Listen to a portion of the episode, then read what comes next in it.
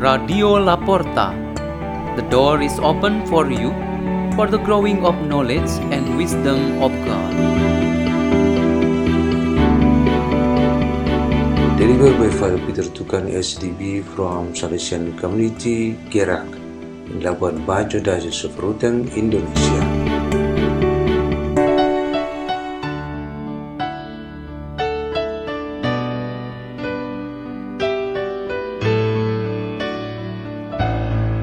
A reading and meditation on the Word of God on Wednesday of the third week in Ordinary Time, January 25, 2023, the feast of the conversion of the Apostle Paul.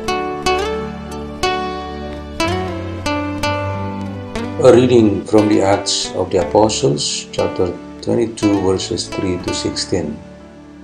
Paul addressed the people in these words I am a Jew born in Tarsus in Cilicia, but brought up in this city.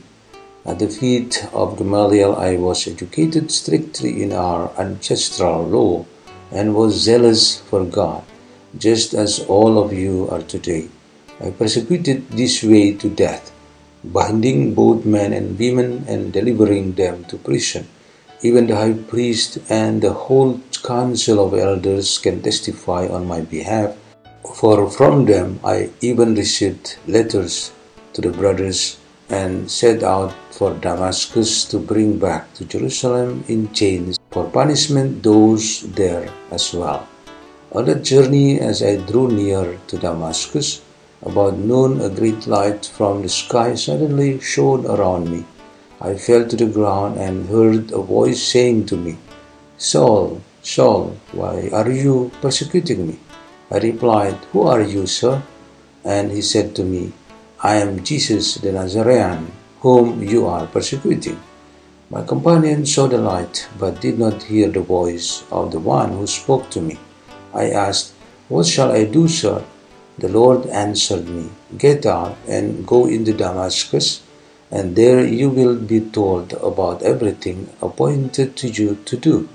Since I could see nothing because of the brightness of that light, I was led by hand by my companions and entered Damascus. A certain Ananias, a devout observer of the law and highly spoken of by all the Jews who lived there, came to me and stood there and said, Saul, my brother, regain your sight. And at that very moment I regained my sight and saw him. Then he said, The God of our ancestors designated you to know his will, to see the righteous one, and to hear the sound of his voice. For you will be his witnesses before all to what you have seen and heard. Now, why delay? Get up and have yourself baptized and your sins washed away, calling upon his name. The word of the Lord.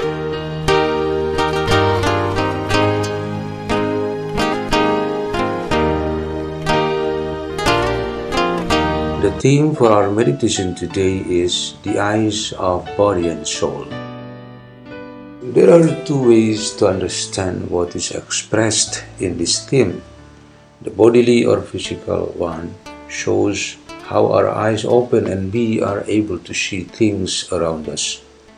The other way is the spiritual one, which shows mental spiritual abilities in seeing things of spiritual in nature. Visions that go beyond our physical eyes only occur through the light of God. We use the eyes of our souls in order to have a proper vision on the mystery of God. In today's occasion of the feast of the conversion of St. Paul, we see the two ways of seeing experienced by Paul. These two are clearly different, but in many ways they must need and support one another. Our reflection focuses on the aspects of mutual need and support of the two eyes. We want that our eyes to remain healthy and functioning properly and according to our expectations. Having our eyes open does not just mean we see this or that clearly somewhere and on certain moment of life. there is something more meaningful. As once we look around us, there is awareness and sensitivity in each of us. Then the data of information we collect is directly processed by the mind and agreed upon by the heart. And so we make the, the decision that what we see is good, right, wrong, good, beautiful, challenging, or dangerous. The results of vision and awareness are illuminated by the gift of faith and under the guidance of the Holy Spirit, so that we see it again in a deeper process, namely inner or spiritual vision and understanding. So our physical eyes prepare data or material information to enter into an inner vision process, which ultimately results in the achievement of new truths. Try to imagine if the physical eyes do not reach the stage to determine that something is good, for example, in choosing a vocation of life, then its spiritual process is also not achieved or the vice versa. The spiritual vision and understanding really requires the ability of the physical eye so that the goodness and truth of faith can be put into practice. The belief that compassion, brotherhood, and generosity are so noble as God's commands. How can it be lived properly and fairly if the eyes of our bodies are not open to those who are guilty and need to be forgiven, the sick to be comforted, or people who are desperate to be given hope. So the inner eyes or the eyes of faith really needs the eyes of the body to make our faith growing and useful. The two forms of eyes work and help each other. So one simple advice would be this. Let us use the eyes of the body properly and correctly because it is the La Porta or an open door for us to come to God. Let's pray. In the name of the Father and of the Son and of the Holy Spirit, Amen. O Jesus Christ, may our eyes do not bring us into sin, but to find out always the glory of God in us and around us. Our Father who art in heaven, hallowed be thy name.